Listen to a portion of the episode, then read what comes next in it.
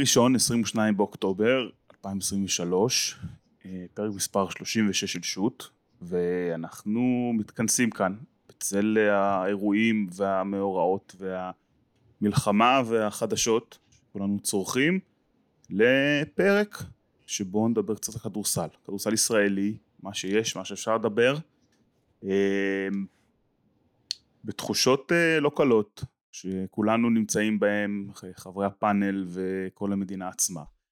אבל אנחנו מקווים שנוכל לספק למאזיננו אה, וצופינו אה, שעה, שעה וחצי של אה, אסקפיזם, של הסחת דעת. אנחנו מקווים שנצליח להרגיז אתכם מספיק כדי שתרצו לסגור בזעם ולהפנות אלינו את האש או, או לבדר אתכם, או לשמח אתכם, ובעיקר לדבר קצת כדורסל, בשביל שקצת קצת קצת נוכל להרגיש אה, נורמליות. אה, צוקי, מה קורה? בסדר, בסדר יחסית, זה, זו התשובה הקבועה שלי בשבועיים האחרונים. אה, אתה יודע, אנחנו רואים קצת את הכדורסל שחזר, זאת אומרת, לא חזר, לא הלך לשום מקום. הכדורסל האירופאי, הכדורסל האמריקאי שמשוחק, ואתה מרגיש קצת איזה תחושה חמוצה, כאילו אתה רוצה להיות שם, אתה רוצה להתלהב, אבל זה, זה, זה לא אותו דבר. גיארה, מה אצלכם? מתאמנות ומחכות? אה, כן, פחות או יותר. כאילו, מחכות למה? אתה יודע. כמו שזה נראה, זה לא הולך להיגמר בקרוב, אבל אה, כאילו לא נשאר שום דבר לעשות מעבר ללקוות שזה ייגמר בקרוב ועם כמה שפחות, מה שאפשר, שפחות uh, נפגעים. ירון, מה שלומך? אה, מקווה שנמצא דרך פה בארץ לשחק. אה, אולי ילדים מתחילים לחזור לבתי ספר, זה לא אותו דבר, אבל אולי זה איזשהו סימן. חוץ מזה, אני רואה, אני רואה ספורט, כדורסל אה, NBA לא ממש, אה, חוץ מקצת וויזרדס אה, ודברים כאלה שנדבר עליהם, אבל אני אתחיל לראות כשזה יתחיל השבוע. ויורו ליג קצת, וספורט אמריקאי. אני רואה, אבל צוקי תיאר את זה, זה, זה לא אותו דבר. אני רוצה להגיד שני דברים. לפני, לפני שנפתח ונתחיל לדבר קצת על מה שקורה פה. אחד, אני שומע הרבה מאוד ייאוש ובצדק מהרבה מאוד אנשים, זו באמת תקופה שאנחנו עוברים, אה, אני חושב שגם ברמה האישית כל אחד לא מכיר אם בכלל אנשים אה, כמעט, או אם בכלל אנשים שהדבר הזה לא פגש אותם בצורה כזו או אחרת גם במקום מאוד מאוד אישי, ובטח ברמה הלאומית, אני חושב שקרו פה דברים, אבל אני מסתכל על מה שקורה סביבנו ומה שקורה בתוך המדינה ומה שקורה בתוך העם, ו... ואני אופטימי. זה יהיה ארוך, זה יהיה קשה, אבל יש פה אנשים מדהימים ויש פה דברים מדהימים שקורים. אמ, אז אה, אני בוחר להאחז בזה, ואני... ו- וכמו שאמרת ירון, כאילו אנחנו רואים קצת ספורט עכשיו, בורחים מדי פעם המציאות, אין לנו את הספורט שלנו כמעט, אבל אין לנו הרבה אה, ספורט, אבל, אבל באמת אני יכול להגיד ש... התמסרות אה, של אה, שעתיים אה, בערב, פעמיים, שלוש בשבוע כשאפשר לראות משחק, זה בהחלט נותן הסחת דעת, משהו שאני בהחלט יכול להמליץ, אני לא פסיכולוג ואני לא מטפל, אבל uh, קצת להתנתק מהטלפון וקצת להתנתק מהחדשות, קצת, קצת, לא הרבה. אני מאוד מאוד ממליץ לכולם, זה באמת עוזר לשחרר את הנפש ולשחרר את החרדות והפחדים וקצת נותן לראש להתמקד בדברים מטופשים ו- ו- ומהנים. אה, אז ממליץ לכולם. אה, צוקי, אני ראיתי שקיבלת כבר אה, ידיעה חמה משקדי. ונתחיל לדבר קצת כדורסל, צריך להגיד הפרק היום מוקדש כל כולו לכדורסל הישראלי ולקבוצות הישראליות ולשחקנים הישראלים, אנחנו נדבר על, נדבר על זה, יש לא מעט שקורה למרות, למרות מה שקורה והדבר הראשון שאנחנו רוצים להבין זה האם בכלל uh, תהיה פה ליגה בארץ. אנחנו שומעים קצת על הכדורגל ש, ש, שמכוונים כבר לעוד חודש, זאת אומרת ל-25 בנובמבר, ליגת העל, 17 בנובמבר ליגה לאומית. יש משהו בכדורסל? אתם בכלל חושבים שאפשר לחזור לשחק כדורסל? אז אני יכול לעדכן אה, שדיברתי עם שקדי לפני ההקלטה ואמר שיש רצון לחזור לשחק ב-11 בנובמבר את אה, ליגת העל שלנו, ש-11 בנובמבר זה עוד אה, קצת יותר משבועיים ואני לא יכול, לא, לא יכול לראות את זה מהסיבה הפשוטה שאתה יודע, קבוצות שחררו זרים לבתים שלהם. היום נס ציונה הוציאה הודעה שהמשחק מול סרגוסה אה, ביורופ קאפ נדחה ובעצם הם שחררו את הזרים לארצות הברית. אז עכשיו אנחנו מדברים על להתחיל ליגה עוד שבועיים וחצי, שלושה. צריך לתת לזרים לחזור, אה, לבוא, להתאקלם, להתאמן ואז להתחיל. לדעתי ליגה כזאת שהקבוצות שבאירופה מצליחות לשחק שומרות על הזרים מול קבוצות בלי זרים בכלל אין טעם לליגה. אם אתה שואל אותי עדיף לחכות שזעם יעבור, ואפילו אם אנחנו פותחים את הליגה הזאת בסביבות ינואר-פברואר לעשות סיבוב אחד ופלייאוף, לא, לא יקרה שום דבר, זה במילא פה מסטיק, אתה יודע, שנמשך ונמשך ונמשך, ואם אנחנו בסיטואציה הנתונה, אני לא ממהר לחזור לשחק. כי ב, ב, אתה יודע, אני משחק רק כשכולם יכולים לחזור לשחק בתנאים שווים. ירון, אתה בכלל רואה את הזרים חוזרים לפה בתקופה הקרובה, במתכונת הנוכחית? אמ, אני לא, לא חושב שזרים יחזרו עד שלא תהיה מה שנקרא הפסקת אש רשמית. אה, אני חושב שכולנו מסכימים שזה לא יקרה בקרוב. ו... ולכן אה, אני חצוי בדעה שלי, זאת אומרת אני חושב שהליגה צריכה להיות מעל הכל, זאת אומרת היא צריכה להיות משוחקת uh, בארץ כל עוד uh, המצב יתייצב, כן, ו- ושוב אני לא רוצה להתחיל להגיד כמה, כמה אזעקות ביום וכולי, אבל כל עוד אנחנו במצב יחסית נורמלי, ש- שבאמת הבתי ספר ו... ואני מתחיל לראות יותר תנועה בכבישים, וכל הדברים האלה מתחילים לחזור, והמדינה אין לה מה לעשות. אם תהיה פה מלחמה ארוכה, הכלכלה והמדינה צריכה לעבוד. לעבוד. הליגה צריכה לעבוד. אני מסכים עם צוקי שצריך לעשות הכל כדי להחזיר בתנאים שווים, אבל עם איזשהו דדליין, ואם בדדליין הזה, עכשיו לא חייבים להתחיל ב-11 בנובמבר, אני גם מסכים עם זה, אם נגיד עד עוד שבועיים שלושה או לא יודע מה, משהו שצריך לש... להחליט לשבת טוב, עד אז אין שינוי מהותי במצב והם מבינים שהולכים למשהו כזה, אז כן להתחיל למצוא תאריך שבו חוזרים והם, ו, ומה שיהיה יהיה, העיקר שיהיה כדורסל ושהליגה תשוחק. אה, קהל, לא קהל, בעולם אוטופי בסדר גמור, אז אה, אני אומר... שלושה דיברנו על אה, לא ספורט שווה, נכון, בלי אוהדים. לפי וכאלה. הוראות בפיקוד העורף. אם, יג... אם ירשו קהל באולמות, אז, אז כן, אם לא ירשו, אז אנחנו במוד קורונה. יערה, בתור שחקנית, כמה קשה לשחק, להתרכז בכדורסל בתקופה כזאת? תראה, אי אפשר. אני, אני לא שופטת כאלה שמצליחים, זאת אומרת, אני בימים הראשונים ש... כשעוד היה אולם ויצא שאני גרה כרגע באזור שיש פחות, קצת פחות אה, אזעקות וטילים, לא היה לי חשק להרים כדור, כאילו ברמה הזאת, מרוב שה... אתה יודע, זה נוגע בכל אחד ואחת מאיתנו, אי אפשר, אי אפשר להתכחש לזה, אי אפשר להתעלם מזה. עבורי לפחות, בחוויה האישית שלי זה היה ככה. אבל אה, אתה יודע, ככל שעבר הזמן, כן, זה, זה העבודה שלנו, זה גם המקום מפלט במקום מסוים, אני, זה זכות בשבילי שאני משחקת כדורסל, כי זה, זו גם העבודה שלי, אבל אני גם מאוד אוהבת אותה. זאת אומרת, היא מאפשרת לי להגיע למגרש ולהוציא אגרסיות שאני לא יודעת כמה אנשים אחרים בעבודות מסוימות יכולים לעשות.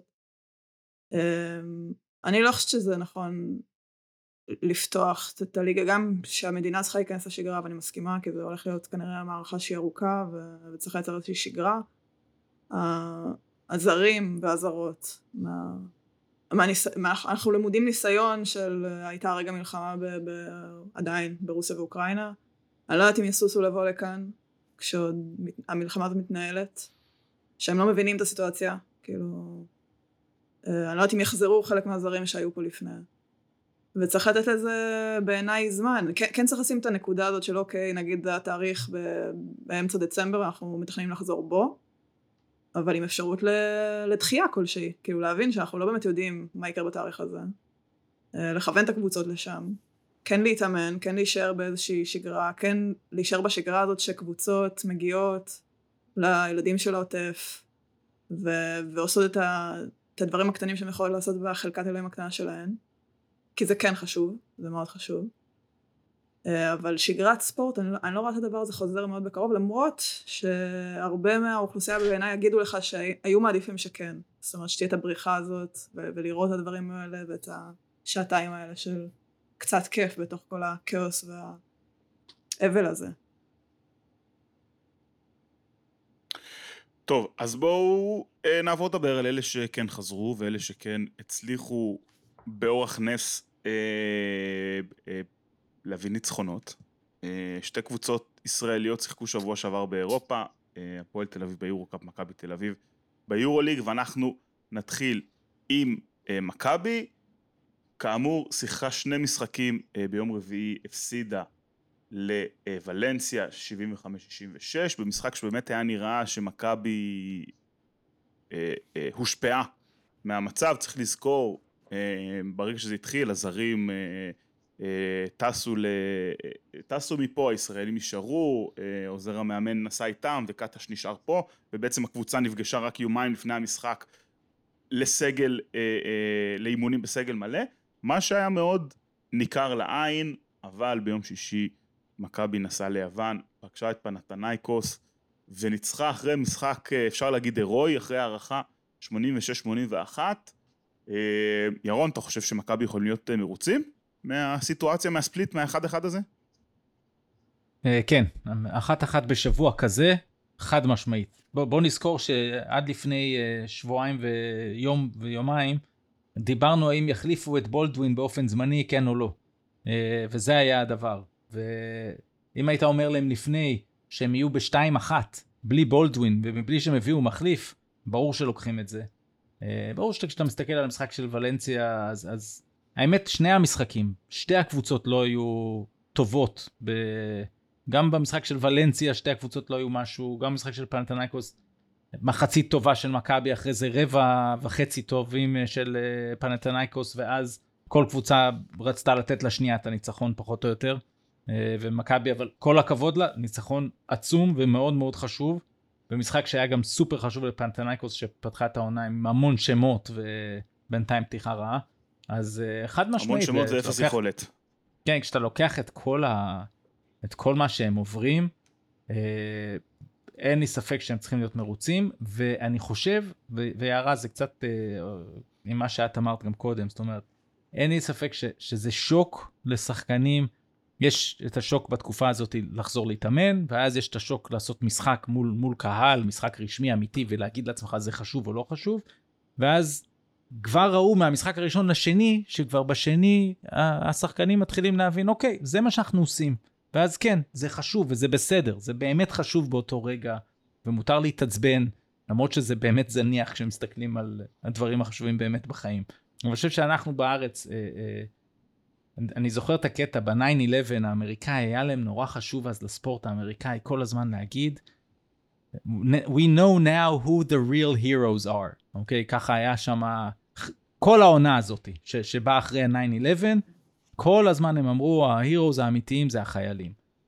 אצלנו לא צריך להגיד את זה, אנחנו, אנחנו יודעים את זה, אנחנו קמים בבוקר עם זה, וכל חיינו, כל חיי המדינה הזו. אבל, אה, ולכן אני חושב שזה בסדר, זאת אומרת, כשאתם תשחקו יערה, אני מקווה מאוד. אני רץ, יש לי, אה, לא, לא ברמה שאת משחקת כדורסל, אבל אני, אני רץ, וא' זה עושה לי המון טוב. אתה רץ לראות אותנו? אה, אוקיי. ואני רץ, הרבה פעמים אני שואל למה אני רץ, אבל זה, זה של ה... במיוחד כשאני רואה את הנחיל הדם ב, ב, ב, כש, כשהיינו בתקופות אה, יותר טובות. אז אה, אבל אני רץ ואכפת לי מהשעון ומהקצב שלי ומכל הדברים האלה אבל ב, לא באמת אכפת לי כן? אבל אבל אכפת לי באותו רגע זה בסדר. אז uh, אני חושב שראו את זה על המשחקים של מכבי כבר היה שינוי בין המשחק הראשון לשני. uh, מצד שני ככה בכללי אנחנו רואים את החסרונות שדיברנו עליהם עד עכשיו אני חושב שזה בולט. סורקין יכול להיות שהוא היה בהלם יותר גדול מהדברים האלה אז אין ספק שהוא לא ניצל את ה... את, את הסגל שנבנה שאמור לתת לו אה, אה, לפרוץ קדימה, אבל בואו, זה שני משחקים ראשונים, זה באמת הלם, אה, בטח בשביל הישראלים, אה, עוד יותר מאחרים. אבל כן, זאת תהיה נקודה, ריברו ו- וסורקין ו- והעמדה הזאת אה, ארבע, נקודה אה, מאוד מכריעה, וכרגע ברור שבולדווין חסר. אה, אז אני חושב שמכבי בסופו של דבר, אתה יודע, אנחנו יכולים להגיד עכשיו לאור הסיטואציה שהיא יכולה להיות מרוצה, אבל אם אנחנו מסתכלים על זה, אתם יודעים, מנתקים מהקשר את, את השבוע הזה של מכבי, אז, אז אני לא יודע מה הם יכולים לחשוב, ואני אגיד למה. ולנסיה הייתה בלי סמי אוג'לי, שהוא השחקן הכי טוב שלהם. זה בעצם משחק חוץ שאתה צריך ורוצה לקחת אותו כדי להגיע בסופו של דבר לשמינייה ועכשיו זה כבר נהיה העשירייה הראשונה בגלל ה play-in שיש השנה ביורוליג. אה, ופנתנייקוס שדיברנו עליהם בפרק האחרון שלנו, שהייתה הכנה לעונת היורוליג, על זה אני חשבתי שהם צריכים לעשות top 4 ואם לא זה כישלון, אז אה, לפי איך שזה נראה הם גם לא עושים top 8. נראה קבוצה באמת לא מאומנת, לא טובה. אה, שפשוט שיחקה כדורסל רע מול מכבי תל אביב. ואני חושב שמכבי תל אביב, עם וייד בולדווין, אה, עושה מהמשחק הזה דו ספרתי קל. כי פאנה באמת פאו לא, לא היו יריב מהותי, ואני רוצה דווקא להפנות את הזרקור ללורנזו בראון. שזאת אומרת, למרות היכולת של לורנזו בראון, מכבי תל אביב כן ניצחה את המשחק בפנתנייקוס, ואת זה שווה לציין. בעצם אני לא יודע איפה בדיוק הראש שלו נמצא, כי בשני המשחקים האחרונים הוא מעמיד בממוצע של 12 אה, נקודות, 2 וחצי ריבאונדים, 11 וחצי אסיסטים, 6 עיבודים על 2 וחצי חטיפות. שהוא בעצם חטף חמישה כדורים מול פנתנייקוס ואפס בספרד, וכל זה ב-35 דקות. אז בשביל שמכבי תל אביב, החיים שלה יהיו יותר קלים בהמשך, ובטח זה עד שבולדווין יחזור, כי אנחנו מבינים שזה לא יקרה בשבוע הקרוב במונקו, ואולי הוא יקבל דקות מול מילאנו בשבוע שאחרי זה, הם צריכים את לורנזו. וזה שאפו גדול למכבי תל אביב, שלמרות שלורנזו ביכולת לא משהו, הם כן הצליחו לבוא ולנצח את המשחק הזה ביוון. אז, אז אני, אני רוצה להפנות את השאלה הזאת אלייך, יערה. אנחנו דיברנו על זה בפרק, את לא יודעת בפרק האחרון שקראתנו, אבל, אבל דיברנו על לורנזו קצת בהקשר של גמר גביע ווינר. אני טענתי אה, שאנשים חושבים שללורנזו לא אכפת, זה גם קצת מתאים למה שצוקי כתב לנו בליינאפ, איפה הראש של לורנזו, אה, ואני לא חושב שזאת הבעיה, אני חושב שהוא מאוד מאוד רוצה ורואים עליו, על, על איך שהוא משחק כשהוא רוצה, הוא לא תמיד מצליח, בגמר גביע ווינר הוא לא הצליח, שבוע שעבר קצת יותר קצת פחות, אני לא חושב שאפשר להגיד על, על שחקן שמסר בשני משחקים 23 אסיסטים. אמ, שהוא לא מצליח, גם אם הוא איבד הרבה, אמ, אבל הוא כן לקח 12 וחצי זריקות למשחק, כן מסר, אמ, וכן היה מאוד מאוד דומיננטי, גם אם לא טוב. יערה, איפה את, איפה את רואה את לורנזו? את חושבת שהוא צריך לעשות יותר? את חושבת ש, שהוא, שזה משהו אה, אה, ברצון או משהו ביכולת? תראה, מזל שסוקרמן התחיל איתו, כי אני... אני מודה, אני ישבתי וראיתי, צפיתי במשחק, וכמעט שברתי את הכורסה, אך ורק בגלל לורנזו בראון. כאילו ברמה הזאת, אני יודעת שהעברתי איזושהי ביקורת על תמיר בלאט, על ההכנה וכולי וכולי. מבחינתי המשחק הזה של מכבי, לפחות מול אה, פנדינאיקוס בחמי... בשישי זה היה, אה, היה ניהול משחק מחריד של קטש, מחריד. כאילו ברמה ש... אחרי זה הלכתי לסטטיסטיקה והייתי בהלם שזו הסטטיסטיקה של לורנזו בראון. כאילו זה, זה הרגיש לי בתחושה שלי משחק של אה, חמש נקודות עשרה עיבודים ו, ופלוס מינוס של מינוס שמונה עשרה. זו הייתה התחושה. ואז כשהלכתי לסטטיסטיקה ראיתי 12 אסיסטים ושבר לעצמו שיאים של, של יורוליג וזה, וזה הזוי סיגריה. כן וזה הזוי מבחינתי כי, כי הוא שיחק כל כך רע. זאת אומרת אה, בשלבים מסוימים, כאילו, אני מוצאת את עצמי, יושבת עם גר, רואה את המשחק, ואני אומרת לה, למה הוא לא מכניס את בלאט? כאילו, עדיף בלאט ברגעים האלה, לפחות מישהו ש... אתה יודע, כי זה, זה לא רק התקפית, זאת אומרת, חוסר יציבות הזאת. חמש פעולות רעות, ואז יש איזה אסיסט יפה לניבו, ואתה אומר, טוב, אולי הוא יתעורר, טוב, אולי הוא נכנס לקצב. ושוב, כאילו, פעולות רעות ועיבודים שרכזים לא יכולים לאבד, זאת אומרת, בעוד רכזים ברמה שלו, ב... המסירה הזאת מאלבו איי לאלבו איי, שאתה יודע שזה לא היה בצד שני, זה, א', זה, זה שיעורים ראשונים בלהיות רכז, שברור לי שהוא לא צריך לקבל אותם, זה עיבודים שהוא לא יכול להרשות לעצמו, ומכבי לא יכולים לא יכולים להרשות את זה לעצמם. ואז אתה רואה אותו גם בהגנה, כאילו אפאתי, ו, וכל שחקן עובר אותו, וזה מייצר רוטציות למכבי, והמון פעמים סלים קלים, לפעמים בלו ביי כשעוברים אותו. אה, וזה לתלוש שערות, כאילו ברמה הזאת. אני חושבת שבמשחק הזה היה נכון להוריד אותו לדקות יותר רבות, לשחק עם בלאט שפתח טוב את המשחק, ו- והיה נראה שהוא, שהוא מתחיל להיכנס לתפקיד שלו, מזכיר קצת את הימים שלו בירושלים, עם, עם האסיסטים, עם לחפש את המסירות ולחפש ל- להניע גם את השחקנים האחרים, והזריקות שרוב הזמן, במחצית הראשונה אני מדברת לפחות, היו, היו זריקות טובות שהוא לקח. אה, ודי אומר, שבאמת הציל את ה... הוא וקולסון הצילו את המשחק, לקחו את המשחק על הכתפיים שלהם, ו... ופשוט מזל, המון מזל למכבי, כאילו, הרבה יותר מיכולת ומניהול משחק לא טוב. אז הזכרת את השם של, של, של בונזי קולסון באמת, דיברנו על זה שוב בפרק אה, אה, שלפני המשחק מול פרטיזן, שאנחנו מצפים אה, ממנו להיכנס לחלל שהותיר אה, אה, וייד בולדווין מאחוריו, ובינתיים הוא עושה את זה, 20 נקודות מול ולנסיה, 21 מול פנתנייקוס, 13 מ-18 לשתי נקודות בשני המשחקים, שישה כדורים חוזרים בממוצע, עיבוד אחד בלבד, ירון, יכול להיות שכשבולדווין יחזור יש פה חתיכת אה, שלישייה שלישיית יורו ליג בחירה. כן, זה, זה מה שדיברנו גם לפני כמה שבועות, שאמרנו תמיד בסיטואציות האלה יכול לצאת משהו טוב, ה-blessing in disguise הזה. אז uh, קולסון שעושה קפיצה, זה ברור. Uh, גם בהחלטה לא להביא, ויכול להיות שה, שהמלחמה תרמה להחלטה הזו, אבל אני אוהב את ההחלטה הזו בעיקרון, בטח בנסיבות האלו, כי ג'ון די יכול להיכנס יותר טוב לעונה הזו, ואנחנו כבר יודעים להגיד, כשאנחנו מדברים על, על ג'ון די, אנחנו צריכים להגיד ליד, ליד זה מיד אגדה, אוקיי? הוא לא, הוא, אה, אנחנו לא מדברים מספיק על מה שהשחקן הזה, אה, החשיבות שלו לקבוצה.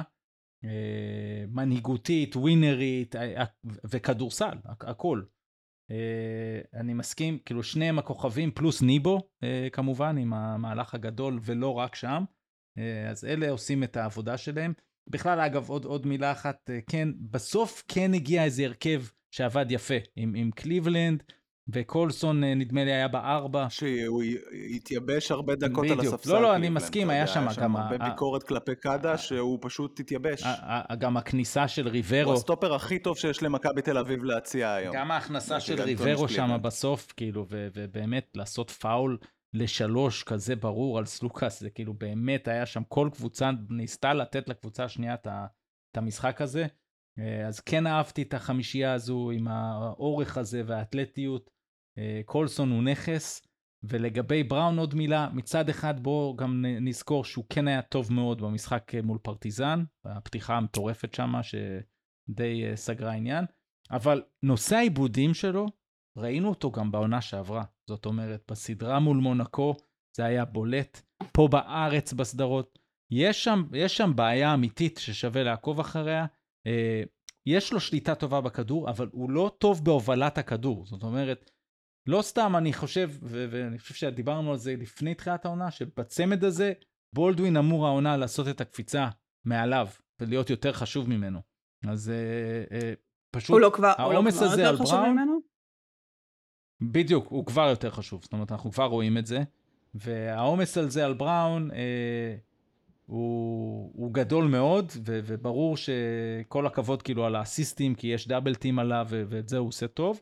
אבל כרגע מקבוצות אחרות, אני לא עושה את הדאבל הזה. אני אומר, בוא תוכיח שאתה יכול באמת לקלוע באחוזים טובים, ולקבל החלטות טובות ולנצח. ועוד פעם אנחנו חוזרים לתמה של תחילת שנה, בטח שבולדווין יחזור. יותר מדי כישרון בקו האחורי, מעט מדי בקדמי. כי גם עכשיו שבולדווין יחזור, הרוטציות יצטרכו להיות בהתאם, קולסון ייפגע, ג'ון די ייפגע, תמיר ייפגע, זה, זה יפגע במרקם לא- בסופו לא של דבר. וכמובן שבשביל מכבי תל אביב, אני רוצה, אני רוצה את בולדווין בריא, כן? אבל uh, לפעמים uh, לסיסמור. אני, לא, אני לא כל כך מסכימה על זה. אני חושבת שטוב שלמכבי יש uh, קו אחורי כזה. וכאן הביקורת שלי לקטש, גם המשחק הזה ספציפית, ושוב, אני לא, לא חורצים עכשיו גורלות של עונה, כן? זה כולה שבוע של משחקים, אבל אתה יודע, ניהול משחק זה, זה גם ללכת עם מי שטוב. ומי שהיה טוב, אה, זה ג'ון די, זה בלאט, אפילו ברמת ההובלת כדור, כמו שאמרת, שהרבה עיבודים גם היה איזה עיבוד מכדרור, על חצי או משהו הזוי כזה. וקליבלנד, כאילו, זה, אז זה מי שצריך לרוץ איתו במשחק הזה. זאת אומרת, גם תוך כדי משחק זה, זה, זה ניהול משחק, זה לא להחליט מראש אה, מי מקבל את, אה, את רוב הדקות ו, וללכת עם זה. זה גם ללכת עם מי שטוב, וללכת למה שטוב. אז רבע ראשון, סבבה, הלכו, לכ... הלכו לבונזי, והלכו ליתרונות שלו, למה, למה להפסיק עם זה? כאילו, למה, למה ללכת עם מה שהולך ועם מה שטוב? זה, זו דעתי. רק להוסיף על זה, רק להוסיף עוד, שנייה, להוסיף דבר אחד על זה. הליגה הישראלית מאוד חסרה, זאת אומרת, אה, אה, היא חסרה לכולם כמובן, לנו הקהל, אבל בטח לקבוצה הזו, שגם מה שעושה מכבי בשנתיים, שלוש, אפילו ארבע האחרונות, זה מבינה שהליגה הישראלית היא המקום שבו האחרים משחקים יותר דקות, ואז אתה קצת מוריד את הלחץ בספסל וברוטציה העמוקה שיש לך, וכמובן שזו קבוצה שנבנתה לשתי ליגות ולהמון משחקים, אז זה, זה מאוד מאוד אה, חסר. ודבר שני, אבל כן הייתי בתקופה הזו הולך, גם כשבולדווין יחזור, על הרבה הרכבים שאנחנו נראה בהם, נגיד את uh, בראון ובולדווין, uh, קליבלנד וקולסון. זה ב-1, 2, 3, 4, ואז אה, גבוה, נניח ניבו, או, נקווה שסורקין יהיה בעניינים. אז אה, אה, יוכלו לעשות את כל הדברים. אולי באירופה זה טיפה undersize. נכון, זה undersize, אבל יש יתרונות אחרים, כמו שראינו אגב ב- ב- בסופו של דבר, של, ב- ב- בהארכה מול פנתנייקוס, שזה עזר. אה, קצת בלחץ ובדברים כאלו. אז אה, אה, בקיצור, אני מסכים, אני חושב שאין בעיה של יותר מדי בקו האחורי, יש בעיה של פחות מדי איכות בקו הקדמי, אבל בואו ניתן עדיין גם זמן, בטח לסורקין לחזור לעניינים, וגם לריברו עוד להתאקלם, הוא גם שחקן חדש וגם לחוות את כל מה שהוא חווה, זה לא פשוט. ואגב, ריברו במשחק הראשון נגד פרטיזן היה מצוין, לא מדהים, אבל, אבל בהחלט, אה, בטח ביחס לביקורת שהוא קיבל אחרי גביע ווינר, היה טוב, אבל בוא, בואו נסתכל קדימה, יום חמישי מכבי מתארחת במונקו, שפתחה את העונה עם אה, שני הפסדים, לוולנסיה המושמצת ולווירטוס אה, בולוניה, מאז עם שני ניצחונות מול הכוכב האדום ואלבה ברלין, קמבה ווקר בינתיים לא בעניינים, אבל uh, חתיכת uh, אתגר, זה בעצם אולי האתגר הכי גדול של מכבי תל אביב. עד כה אמרנו פנתנקוס אומנם מאוד מוכשרת, אבל uh, עוד לא מחוברת. uh, ולנסיה ופרטיזן, בטח בבית, uh, לא מפחידות כמו מונקו. ירון, איך אתה רואה את המצ'אפ הזה? מאוד התגעגעו לבולדווין במשחק הזה. ומצד שני לג'ורדן לויד במונקו. שנראה לי שעדיין יהיה פצוע, ב... כי הוא לא שיחק שבוע שעבר, אז uh, אני חושב שזה מסביר למה מונקו פתחה את עונת היורוליג שלה קצת uh, בגמגום, כי ג'ורדן לויד הוא באמת uh, מפתח מאוד מאוד משמעותי, בטח במשחק ההתקפה שלהם. ויהיה מרתק, בטח לראות את קמבה ווקר שממשחק למשחק מנסה להשתלב ביורוליג וכרגע עוד פחות מצליח. חמישי בעשר. צריך להגיד, קמבה ווקר לא יהיה טוב העונה ביורוליג. אה, כי הוא... הוא התחיל עם ה... לא טוב כבר כמה שנים בכדורסל. ירון צריך לא- להזכיר לך, מי אתה? אני זוכר טוב מאוד, אני, אני, חורץ גורלות להזכיר לכולם, שאני אמרתי מההתחלה, שקמבה ווקר, אני לא חורץ גורלות באוקטובר, אני חורץ גורלות על פי השנתיים האחרונות של קמבה ווקר, לא משחק כדורסל. אה, אבל כן, עוד חזון למועד, ונראה נעבור, אה, נחצה את הכביש לקבוצה בצד השני, הפועל תל אביב, שבעצם הייתה הקבוצה הישראלית הראשונה שעלתה לשחק אה, אחרי אה, תחילת המלחמה, אם אנחנו כמובן שמים בצד את מסע המשחקים של רעננה בארצות הברית, שפתאום הפך להיות כנראה בעיקר מסע הסברתי ופחות מסע של כדורסל. הוא לא היה גם קודם, זה בסדר. נכון, אבל הוא גם לא היה מסע הסברתי במקור, אז, אה, אז לפח... גם, גם לפחות נכון. זה.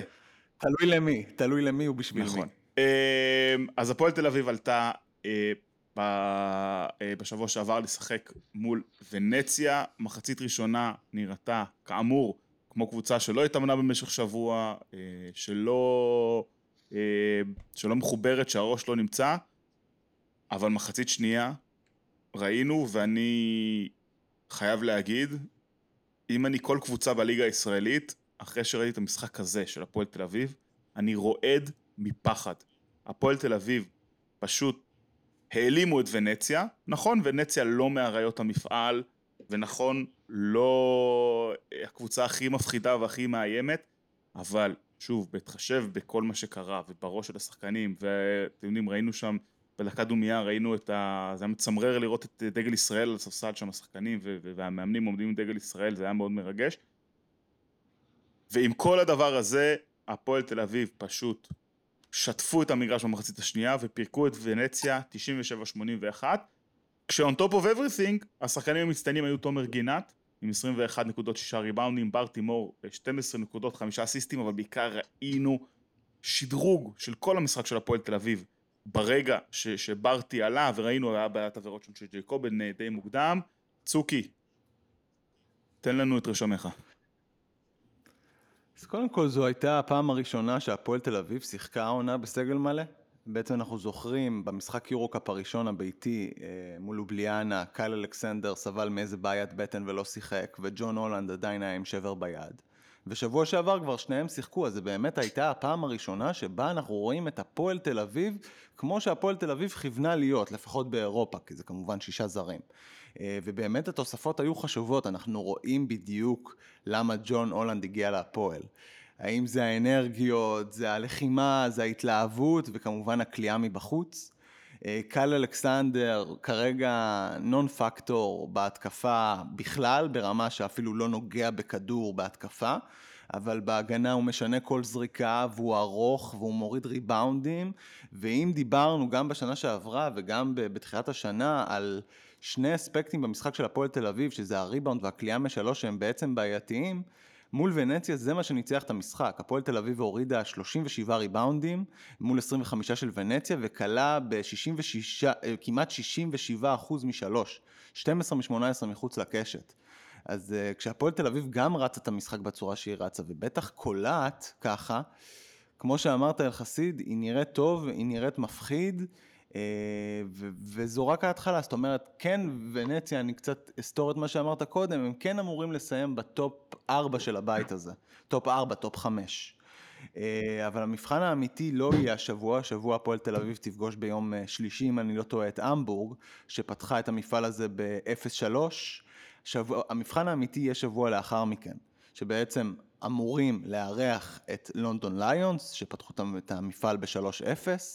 אה, כמובן, הפועל לא תוכל לארח בדרייבין בתל אביב, אז או שתוחלף פה ביתיות וייסעו ללונדון, או שיערכו במגרשים נוספים באירופה, וזה באמת, נוכל לראות כמה הפועל תל אביב עומדת מול הרמה הגבוהה ביותר של היורו-קאפ. אבל בינתיים, ממה שהיה בוונציה, עם הנסיבות, עם המלחמה, עם כל מה שקרה, חוסר אימונים, זה היה מרשים מאוד. יערה, קייל אלכסנדר בהתקפה מדאיג אותך, או שאת אה, מרגישה בנוח? אני לא רוצה לדבר עליו. אני רוצה לדבר על שני דברים אחרים. אוקיי. אה, קודם כל, הפועל תל אביב, אני מסכימה, קבוצה מפחידה מאוד. כשהם טובים, כשזה מחובר, כשזה זורם, זה... יש להם כל כך הרבה כלים התקפיים והגנתיים. אה, וככה הם צריכים להיראות, וככה אני מניחה שכל אוהדי הפועל תל אביב קיוו שהם גם אה, ייראו רוב המשחקים בעונה שעברה, ולא רק בעליות ומורדות כאלה. אה, אותי ריגש מאוד כל מה שקורה מסביב. מה זה מסביב? האוהדים זה הקבוצה עצמה, כאילו, זה, זה המהות של, ה, של המועדון הזה. וכל מה שקרה מאז ש, שנפתחה המלחמה עם הקהל של אוהדי הפועל תל אביב, זה משהו שאותי אישית מאוד ריגש, כאילו ברמה לראות שהם כולם מגיעים אה, להלוויות של אוהדים ועוטפים את הקברים ואת המשפחות שלהם, שזה ממש קהילה שנבנתה. אה, אז אותי כ- כישראלית וכבן אדם זה מאוד ריגש, ושאפו לקבוצה על איך שהם אה, התנהלו בסיטואציה הזאת והסבירו אותה. אני במקומם אפילו הייתי שוקלת ברמת ה... כמו שרמת גן אה, הדפיסו על המדים שלהם את אה, שמות השחקנים שהיו שם, או וואטאבר, לא זוכרת מה זה היה. מדפיסה ממש את שמות הנופלים, אוהדי הקבוצה, ברמה הזאת. אה, כאקט הסברתי. רעננה עשו את זה? אוקיי, אז רעננה עשו את זה. לא, כן. היה רמת גן עשו ספיישל אדישן של חולצה שכל השמות של כוכבי העבר. כל שחקני העבר. רעננה עשו, אוקיי, כל שחקני העבר. רעננה בעצם שמו חולצות עם שמות החטופים. רעננה, אני ראיתי את המשחק הראשון שלהם, ואחרי זה אני קצת ויתרתי על המשך התענוג הזה. כן, אז, יאללה. אה, אז זו, זו דעתי לגבי הפועל תל אביב, בעיקר אותי ריגשו הישראלים שלהם, בעיקר העיקריים, שזה גינת ובר תימור, שראו שהם משחקים על משהו שהוא מעבר לכדורסל, ראו שהם מתרגשים על משהו שהוא מעבר, ועם כל האהבה שלנו לזרים טובים שמגיעים לפה ומשחקים כדורסל יפה ועם יכולות אתלטיות טובות, את, את זה אנחנו באים לראות, ואת זה אני אישית באה לראות, כשאני באה לראות כדורסל ישראלי. אז, אז אותי הם ריגשו. קצת עצבנה אותי ההתנהגות של אה, ג'ייקובן בראון, אני חייבת לומר. ולנסות להפוך את המשחק אה, להיות סביבך, וההתנהגות קצת הילדותית הזאת של אה, לא להבין את המצב ואת האירוע.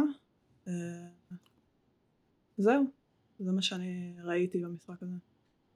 קטנה, קטנה על אה, ג'ייקובן והפועל תל אביב, כמובן את ההתנהגות שלו אני לא בא לסנגר ב- ב- בשום צורה, אבל הפועל תל אביב גם, אנחנו יכולים לראות, לומדת איך להסתדר בלי ג'ייקובן בראון. זאת אומרת, ג'ייקובן בראון היה בבעיית עבירות מתחילת המשחק, והפועל תל אביב זה, זה לא נראה שזה משפיע עליה יותר מדי. ובשנים האחרונות, שג'ייקובן בראון לא היה, זה מאוד השפיע על הפועל תל אביב. אז הנה עוד משהו שבונים סגל גדול, אתם יודעים, השלם גדול מסך על הקו וכל הסיסמאות האלה שאנחנו אומרים. אז אה, אבל זה- אבל זו לא בעיה, להפך, זה-. צוקי, אני רוצה שתיתן לי טוב. take ממש טוב על... אה, ta- take ממש טוב על ג'יילן הורד. אני כל שבוע נותן take טוב על ג'יילן הורד. שכנראה מאוד, מתר... מאוד מתרגש, כי יצא משחק ספיידרמן חדש לסוני שהוא מאוד אוהב, אז הוא כנראה, אתה יודע, בעננים כרגע.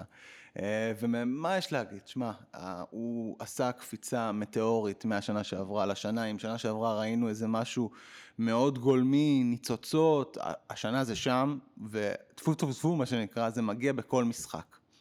אה, אתלטיות אדירה, כל, כל משחק אנחנו רואים איזה בלוק שלו שנראה כמו איזה חסימת כדורעף שהוא שולח את הכדור ליציע.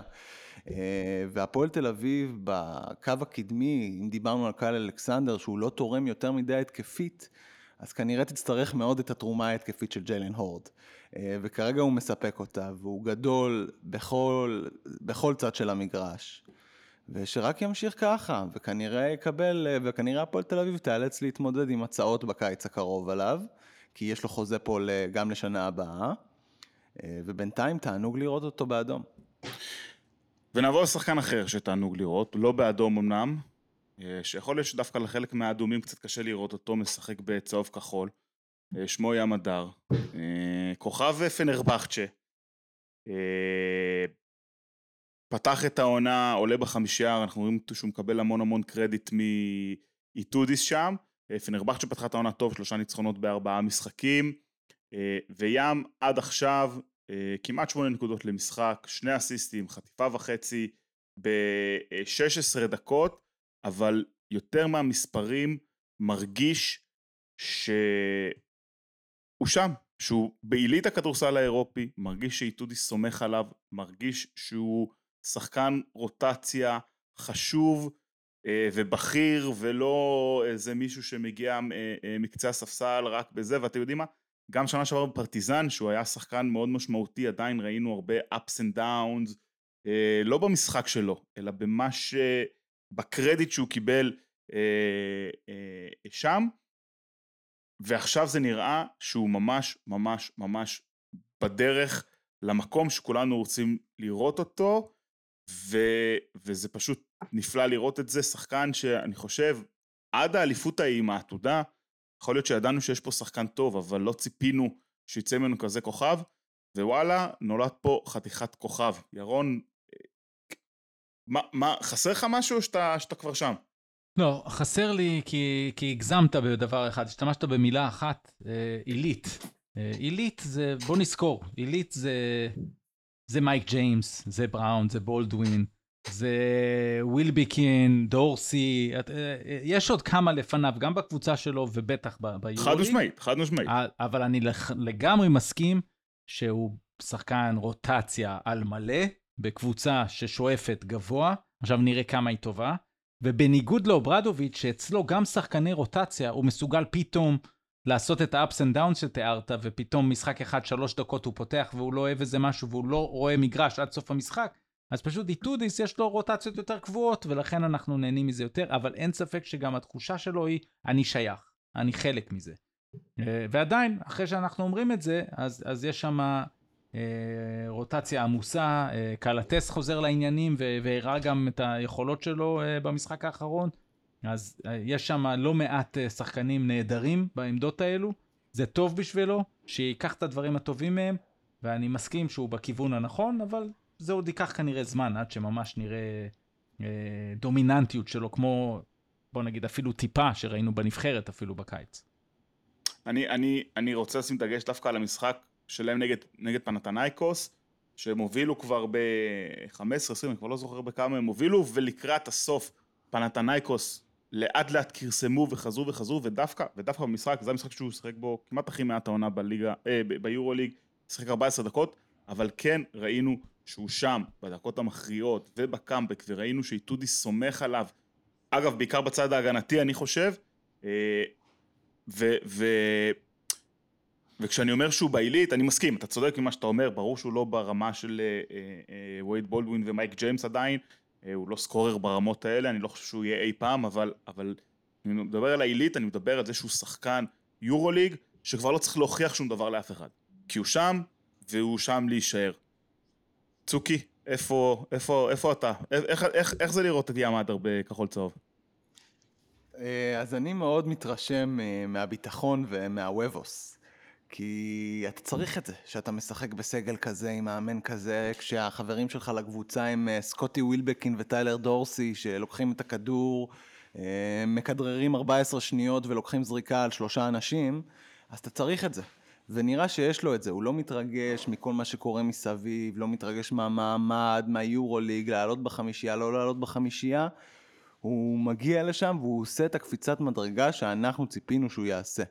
אה, לפחות ברמת הכלייה, הוא בעצם כמעט מכפיל את הממוצע נקודות שלו אה, מהעונה שעברה. אה, מה שאני אמרתי בתחילת שנה ועדיין חסר לי זה האסיסטים. הייתי רוצה לראות אותו יותר playmaker, יותר מחלק, יותר מזין את האנשים סביבו. שניים, עדיין לא מספיק לטעמי, אבל אני בטוח שמשנה לשנה ומחודש לחודש נראה אותו בעצם משתפר והופך להיות שחקן עוד יותר טוב ומקבל עוד יותר קרדיט בהתאם.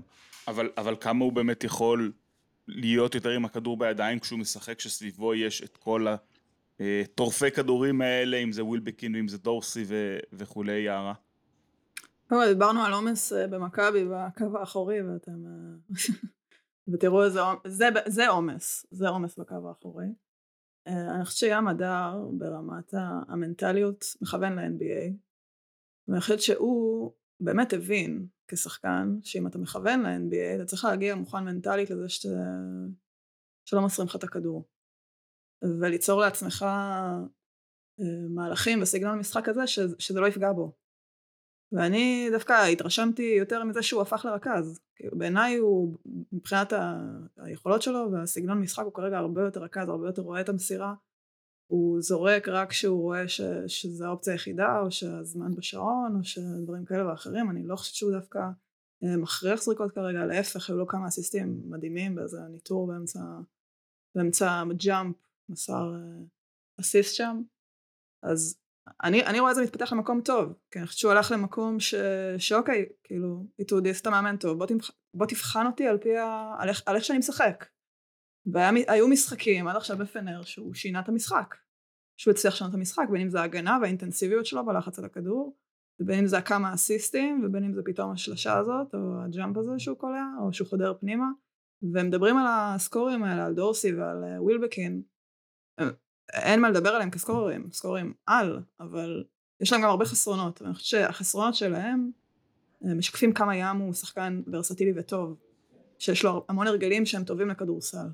כי מווילבקין אנחנו מאוד נתרשם, והשלשות שלו פתאום בקלאץ' או מחצי מגרש מאוד מאוד מרשימות, אבל כמאמן, אתה לא צריך הרבה מזה. אתה צריך הרבה יותר כאלה שלוחצים את הכדור, שעושים את העבודה השחורה, שמחברים את הקבוצה, שהם הדבק. שלא עושים פרצופים כשלא מוסרים להם, והוא כזה. ומישראלי אחד לישראלי השני, אה, נועם יעקב, בווילרבן, אחת משתי קבוצות שטרם ניצחה עוד אה, משחק ביורוליג, אה, סוחבת את כל היורוליג על כתפיה, וחסרת מאמן כרגע, אחרי ארבעת ההפסדים טי.ג'יי פארקר נשלח לדרכו, נועם יעקב עד עכשיו בשלושה משחקים בהם שותף, קצת פחות משבע דקות, קלה במשחק מול פנרבכט שבהפסד שלהם, שבו הם כבר הובילו ב-15 נקודות והפסידו אותו בסוף, קלה את שתי נקודות הבכורה של העונה ביורוליג. וזה חייב להגיד, כיף לראות בו זמנית על המגרש את נועם יעקב וים הדר בשתי קבוצות לא ישראליות במפעל היורוליג. זה לא, לא יצא לנו לראות יותר מדי בשנים האחרונות, וזה תענוג. וזה הקדמה לחלום שזה יקרה ב-NBA. זה יקרה ב-NBA, או, אהבתי. בואו נראה אותם קודם משחקים ביחד אה, בנבחרת.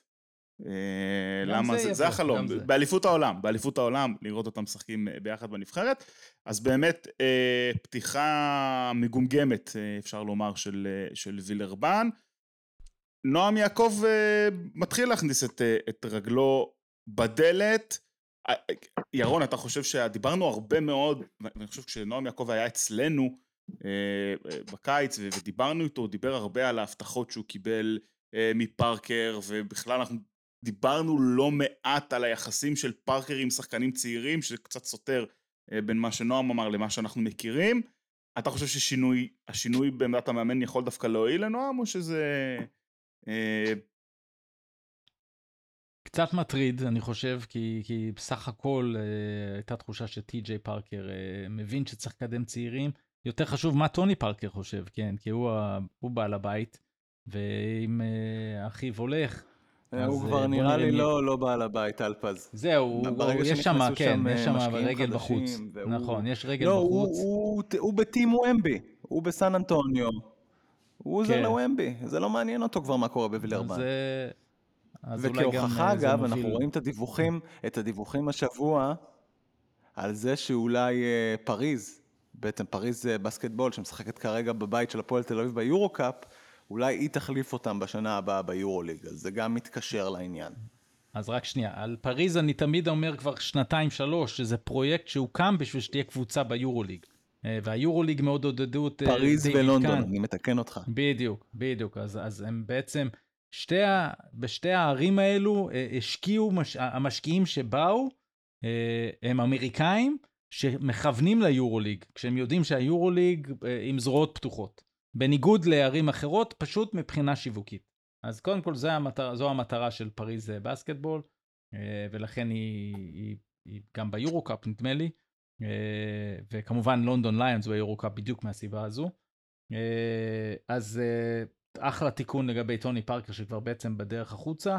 אז זה אומר שנועם יעקב יצטרך, שוב, הליגה הצרפתית היא עדיין היותר חשובה מבחינתו, ושם הוא יצטרך אה, לקחת כל דקה ו- ולהיות, אה, לטרוף אותה. ו- אבל אהבתי שביורוליג הוא העיז, אהבתי את השלשה שהוא זרק שבקושי נגע בטבעת, אה, כמובן הכניסה לסל, שימשיך להעיז, יכול להיות שמאמן חדש יקבל איזשהו מסר שצריכים לנצח ופחות לקדם צעירים, ואולי זה ישפיע עליו ביורוליג, אבל היורוליג זה רק בונוס לדעתי בשבילו העונה הזו. כן, צריך להגיד בליגה הצרפתית אה, בשישה משחקים עד עכשיו, 12.2 אה, דקות, 2.5 נקודות, הצרפתית שלי מאוד חלשה אז אני לא יודע כמה אסיסטים, אולי 1.7, אבל אולי לא. אמ, אז זה אה, נועם יעקב, ואנחנו רוצים, רוצים לראות אותו יותר, רוצים לראות אותו, אני, אני אמרתי, בפרק הקודם אמרתי שאנחנו לא צריכים לשפוט אותו כמו שחקן צעיר, יכול להיות שקצת הגזמתי, עדיין שחקן צעיר, אבל בהחלט, בהחלט, בהחלט אנחנו רוצים לראות אותו אה, פורץ קדימה ומקבל את ההזדמנויות. אה, ואנחנו מקווים ש, שמה שקורה פה לא, לא, לא יסיט אותו יותר מדי. אה, אנחנו מכירים את הילד, יודעים שהוא, שהוא גיבור ושהוא שהוא, שהוא חזק. צוקי? צריך להגיד, לא רק טי.ג'יי פארקר הלך השבוע הביתה ביורוליג, גם דושקו איבנוביץ', מאמן הכוכב האדום בלגרד, נזרק אתמול הביתה, וכבר מונה מאמן חדש שאנחנו מכירים אה, מאוד מאוד טוב, יואניס פרופולוס, מי שאימן את מכבי תל אביב, אה, נראה לי שזה כבר לפני שנתיים. אה, חוזר ליורוליג, וזה אגב ממשיך איזה סוג של, איזה מגמה של חילופי דורות בין המאמנים שאנחנו רואים. אה, אתה יודע, אנחנו רואים את המאמן החדש של ברצלונה, ואיך הוא מוליך אותה ואיך היא נראית, המאמן החדש של ולנסיה, שגם עושה דברים מאוד מאוד יפים, צ'וס מטאו בריאל מדריד שזכה ביורוליג, ואם אנחנו מסתכלים על, עכשיו על טבלת היורוליג, מקומות 12, 13, 14 ו-15, אז בעצם 12 זה מסינה, מילאנו, ב-13 היה איבנוביץ' נכון לאתמול, 14 זה אוברדוביץ' וב-15 זה התאמן. זאת אומרת, הדור הישן מתחיל לרדת ואנחנו מתחילים לראות דור חדש של מאמנים עם כדורסל אחר, עם פחות מניירות, פחות בלאגן, שכובש את הסצנה ואני מאוד אוהב לראות את זה. יפה, אז זה מה שהיה באירופה, אה, ונעבור קצת לדבר על אה, מה שקורה מעבר על הים. אה, ירון אמר, ובצדק, אנחנו לא צופים בכל מה שקרה עד עכשיו, כי זה משחקת טרום עונה והראש שלנו במקום אחר, אבל... למה? צופים. יום רביעי, צופים. לפנות בוקר, בלילה בין שלישי לרביעי, צופים, צופים, צופים, לא, אני יודע, אני יודע, זה רק ירון. אבל בין שלישי לרביעי נפתחת העונה, ואנחנו כמובן נתמקד היום בדני אבדיה, שפותח את עונתו הרביעית. בקבוצה, אבל מרגיש שהוא פותח אותה בקבוצה אחרת מהקבוצה שבה הוא שיחק עד היום, למרות שאנחנו לא בטוחים שמבחינת התנהלות היא תשתנה, אבל לפחות מבחינת שחקנים הכל אה, ייראה אחרת לגמרי. העונה הראשונה של אה, וושינגטון בעידן פוסט ברדלי ביל, המון המון כישרונות צעירים, אה, ג'ורדן פול, בילאל קו, קוליבאלי, פטריק בולדווין ג'וניור, קורי קיספרט, קייל קוזמה לא אמרתי, כמובן דני, אה, ירון, מה יהיה התפקיד של דני? ראינו אותו, היה איזה סרטון שרץ קצת שהוא קצת אה, מתוסכל. ממה שהוא מקבל ולא מקבל.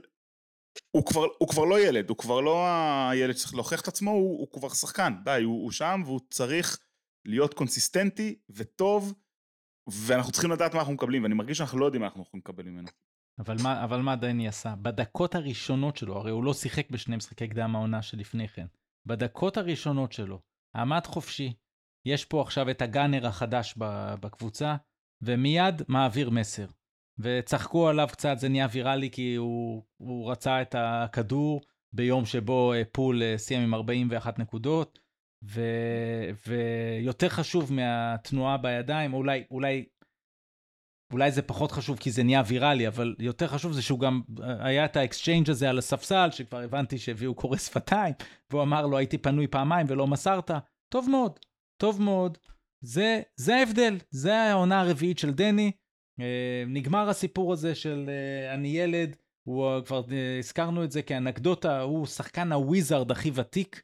זאת אומרת, הכי הרבה זמן מתוך השחקני הוויזארדס הנוכחיים. והוא צריך שיספרו אותו. ודבר אחד ראינו על דני בכל השלוש שנים האלה, שיש לו גם תקופה לא טובה, גם בליגה, ויש איזה משחק כזה שמגיע, שאתה אומר, אוקיי, הוא חייב לבוא, וגם לזרוק, ואז גם לקלוע, הוא עושה את זה. הוא עושה את זה, ואפילו פה, בתוך העולם הקטן הזה של שבוע לפני תחילת העונה, צריך להעביר מסר יותר חשוב מאשר לווס אנסלד, יותר חשוב מלכולם, זה להעביר את המסר הזה לפול ולקוזמה, שהם ה, הבוסים החדשים שישלטו בכדור אולי הכי הרבה, אה, שאני פה ואני שיפרתי את השלשה, ונכון שזה רק pre-season, אבל הארבע משבע הזה שלו מהשלוש, איך שהוא זרק, הביטחון, 18 נקודות ביחסית 20 אה, דקות, זה מסר מאוד חשוב של, של זהו, אני לא אהיה אה, פה רק כדי לעשות את הדברים מסביב. ובכל זאת שאלת מה אנחנו צריכים לצפות ממנו, אני חושב שאנחנו צריכים לצפות את מה שראינו בעונות האחרונות, שזה ההגנה, הריבאונד עם היציאה המהירה לצד השני, שאז או שהוא מסיים או שהוא אה, מוסר. וכמובן שמה שיקפיץ אותו קדימה זה לקחת את הזריקות וגם לקלוע באחוזים יותר טובים, בטח מהשלוש. זה יכול, אם כל זה יקרה, אז, אז אה, השאלה הבאה תהיה, האם זה יהיה בוושינגטון אה, לאורך השנים? לאן וושינגטון הולכת העונה הזו? כי יכול מאוד להיות שעד ה trade deadline אה, הם פתאום ירגישו לגמרי שהם כבר במוד של tanking, כמו שהרבה מאוד מה... אני חושב שהסוכנויות אה, חוזים להם. אז אה, זאת תהיה השאלה השנייה. אם, אם יהיו לו מספרים טובים כמו שיכול מאוד להיות שיהיה לו, אז השאלה תהיה האם זה קורה רק בגלל שזו קבוצה uh, פחות טובה, ולכן האחוזים גם ידברו. זאת אומרת, אם יהיו לו אחוזים עם מספרים טובים, אבל אחוזי שלוש כבר מעל באזור ה-35 אחוז, ודו ספרתי בכל ה... בנקודות ו... והתקדמות בשאר הדברים, זה ישים אותו בפוזיציה מצוינת. אה, אם זה יהיה בוושינגטון לחוזה ארוך, ששוב, ידובר רק בקיץ, אה, או לכל פוזיציה אחרת, אם הוא יהיה כל כך טוב, אז הוא יהיה גם מבוקש במהלך העונה. אבל אין סיכוי שהוא יקבל הארכת חוזה לפני? אנחנו מקליטים את זה ביום ראשון, ונשאר עוד, נדמה לי, יום אחד. הדדליין מחר. הדדליין הוא מחר. כן, הדדליין אז מחר. מי ששומע לא, את זה צ- ב... בשני בערב slash ומעלה, אז כבר ידע. אה, וזהו, אני לא, לא רוצה... ל- זאת אומרת, הד- הדדליין להארכות החוזה למחזור הדראפט. של 2020 הוא מחר. נכון מאוד. צריך להגיד שלפי התזמונים של צוקי, כנראה שביום ראשון בשעה חמש בערב אה, הוא יקבל supermax. אה, ובשש בערב ג'יימס הארדן יעבור לקליפרס. כנראה. ברור לך. כן, אני יודע את זה כבר מזמן. אה, יערה, מה הציפיות שלך מדני? עכשיו, כמו שרון אמר, הרבה יקום ויפול על אחוז הקליעה שלו. אה, מה שהוא מביא בהגנה, אני מניחה שגם יודעים כבר שם. אה, זה שהוא יכול לקחת את הריבאונד ולכדרר אה, כמו guard, גם יודעים שם. ה step הבא זה באמת האחוזי קליעה, והשאלה הגדולה אם החברים לקבוצה יוותרו על הכדור, כי ג'ורדן פול חושב שהוא יותר טוב מסטף, אז אני לא מאמינה שדני אבדיה זה מישהו שהוא שש למסור לו. מקווה בשבילו שכן.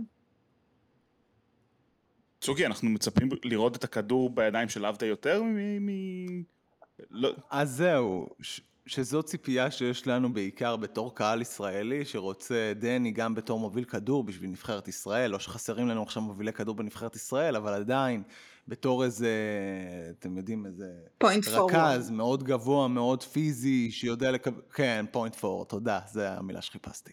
אה, ואנחנו לא נראה את זה, אנחנו לא נראה את זה בוושינגטון השנה, מסיבה מאוד פשוטה. יש ג'ורדן פול, יש קייל קוזמה, על זה נוסיף לזה טאיוס ג'ונס, הרכז המעולה שהם הביאו מממפיס, ואני אני, אני לא רואה את זה קורה. זאת אומרת, הכדור לא יגיע אליו. אבל כמו שטלפז ויערה דיברו לפניי, זה הריבאונד, זה הקליעה, זה הדברים האחרים. אנחנו במשחק קדם עונה מול טורונטו, שהוא עשה 4 מ-7 מחוץ לקשת, ה stroke היה נראה טוב. הקליעה, הצורה שלה, הקשת, היה נראה הרבה יותר טוב מאשר זה היה נראה בעונה שעברה. אז אני מקווה שזה איזה סימן מעודד כלשהו אה, אה, לקראת העונה הבאה. מה שבאמת מדאיג אותי לגבי דני בכל ארבעת השנים שלו ב-NBA, שזה שמעולם לא יצא לו לעשות קדם עונה כמו שצריך. תמיד או היה נבחרת, או הייתה פציעה, או שזה מחזור שהוא נכנס עם קוביד ואין סאמר ליג. אני הייתי שמח לראות את דני במסגרות האמריקאיות, אם זה סאמר ליג, אם זה ג'י ליג, you name it. יורד ועושה 15 זריקות למשחק. בסדר, זה נגמר אבל אוקיי, כבר. כמה משחקים אני רצופים? מבין מה שאתה אומר. כן, זהו, זה, זה, לא יקרה, זה, יותר. זה, כן, זה, זה, זה, זה לא יקרה, זה לא יקרה, ואני, רק שני דברים אחרונים, שתי עצות לגבי וושינגטון, א- אל, אל, אל תעשה, סליחה טלפז, אבל אל, אל, זה, זה מקום שלא גדל בו שום דבר טוב, אז בבקשה, אני אשמח לראות אותך בקבוצת כדורסל אחרת, השנה או בשנה הבאה, ואם יש לך בעיות עם ג'ורדן פול, יש לי את המספר של דריימונד גרין, רק, רק יש לי סמס. מספר של אגרופן טוב.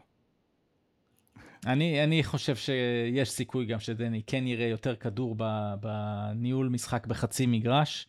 אה, קודם כל יהיו הרכבים, אה, ושוב, אנחנו לא יודעים, אה, חכו 20 משחקים, נראה לאן, לאן העונה הולכת. לא תמיד כל החבר'ה האלה ישחקו ביחד, יש גם את הדקות בלעדיהם. אני כן חושב, זה גם ראינו, גם בעונה שעברה כבר היו לא מעט מצבים שהוא היה ה secondary playmaker, ה point forward הזה, התחיל קצת pick and roll עם המון עם פורזינגיס, זה לא יהיה, אבל אם הוא יהיה, אם יהיה את גאפורד, אה, אז, אז הוא יהיה היעד. אה, בקיצור, בואו נתחיל, נתחיל ונראה. כן, אני אה, מסכים עם כל מה שאמרתם, בעיניי אה, שני הדברים הכי חשובים, הדבר שפתחתי איתו, הראשון זה יציבות, פחות, אנחנו ראינו אותו גם בשנה שעברה, נותן סטרצ'ים, היה לו סטרצ' של, של 11 משחקים בין ינואר לפברואר, שפתאום כלה 14 נקודות, ושיחק המון דקות, והיו לו משחקים של 20 ומשהו נקודות. אה, אני מעדיף שלא יהיו לו משחקים של אה, 28 נקודות ואז משחקים של 7 נקודות. תן לי רצף שהוא קולע 12, 14, 15, 17, היציבות הזאת מאוד מאוד חשובה, והדבר השני שאני מאוד מאוד התחבר זה מה שאתה אמרת, טל פז, זה הרגיש עד היום שהוא מתחבא, הוא הולך לפינה ומתחבא ולא דורש, ואנחנו מדברים ודיברנו אתם יודעים, נורא כיף היה להשוות בינו לבין אה, אוצ'ימורה שעולה. למשחק ולוקח את הכדור ולא מעניין אותו. תהיה קצת יותר mother fucker, תהיה קצת יותר בן זונה, תיקח, אל תחכה שייתנו לך כי אף אחד לא ייתן לך, כי, כי אנחנו יודעים מה יש לו, אנחנו יודעים מה יש לו ואנחנו יודעים שהוא יכול, הוא רק צריך לרצות אה, לתת את זה. הרגת אותי עם הקללה עכשיו, אנחנו פיג'י, תתבייש. ממתי? תמיד שואלים, אפשר לקלל? אומרים כן. ברור, תמיד אפשר. יפה. אה, זה היה פרק שו"ת, פרק 36, פרק כחול לבן. אה, אנחנו מקווים, מקווים, מקווים שנוכל לחזור ולדבר על כדורסל וכדורסל ישראלי ו- ולא במראות אה, ולא ב- על רקע אה, הזמנים הקשים. חברים, אתם רוצים למסור משהו, להגיד משהו לעם ישראל לפני שאנחנו נפרדים? ירון? אני חושב שדיברנו מספיק, אבל מי ש... אמרתי את זה גם בפרק קודם, לא, שלא יהיו בעיות מצפון אם, אם רואים ספורט ונהנים מזה. ובטח אם עושים ספורט ונהנים מזה, אנחנו, בינתיים גם העורף צריך להיות חזק, ועוד פעם, לי זה עוזר, אה, אה, אם, אם בן חייל קרבי, אז אה, עוד יותר אני צריך את זה, אה, אבל באמת כל ריצה, אה, אה, אני מרגיש שמורידה קצת את החרדה, אז אה, לעשות, לעשות ספורט ולראות ספורט. צוקי. אנחנו רואים את uh, מספרי הנופלים שיש uh, לקבוצות הספורט, אתה יודע שכל הקבוצות מפרסמות בפייסבוק, בעמודי הרשתות החברתיות שלהם, ואני נזכר שרק לפני שלושה שבועות אנחנו הסתכלנו על אותם מועדי ספורט וקראנו להם עבריינים. לא אנחנו, אלא המדינה שלהם, ממשלת ישראל. אז אני רק מקווה שביום שאחרי יזכרו בעצם את, את, את מה שקורה פה במלחמה הזאתי, ויפסיקו עם ההסתכלות הזאת, כי בסופו של דבר אוהדי ספורט האלה הם גם לוחמים, הם חיילים, הם אזרחים, והם חלק ממדינת ישראל. הדבר האחרון הם, הם לא עבריינים. אז אני מקווה שביום שאחרי גם לא יסתכלו עליהם בחיים כמו שהסתכלו עליהם קודם. יאללה. אני עברתי לטים טייטום. זהו, זה מה שיש לי לומר. לשם הוא הביא אותי. יש לי שלושה שחקנים מבוסטון ואף אחד שלושה שחקנים מבוסטון ואף אחד מהם הוא לא אה, ג'יילן בראון. אה, ירון, צוקי, יערה, תודה שהייתם איתנו. אני רוצה להגיד לכל מאזיננו, כל צופינו, תשמעו על עצמכם. תהיו חזקים, תהיו טובים. אני לא מסכים עם ירון, אף פעם אל תעשו ספורט, זה אף פעם לא טוב, אבל אני עבדתי בגינה וזה עשה לי קצת טוב. אה, תשמרו על עצמכם, תשמרו על החיוך, ואנחנו פה בשבילכם, ואנחנו אוהבים אתכם, ותמשיכו להיות חזקים, ותעשו טוב.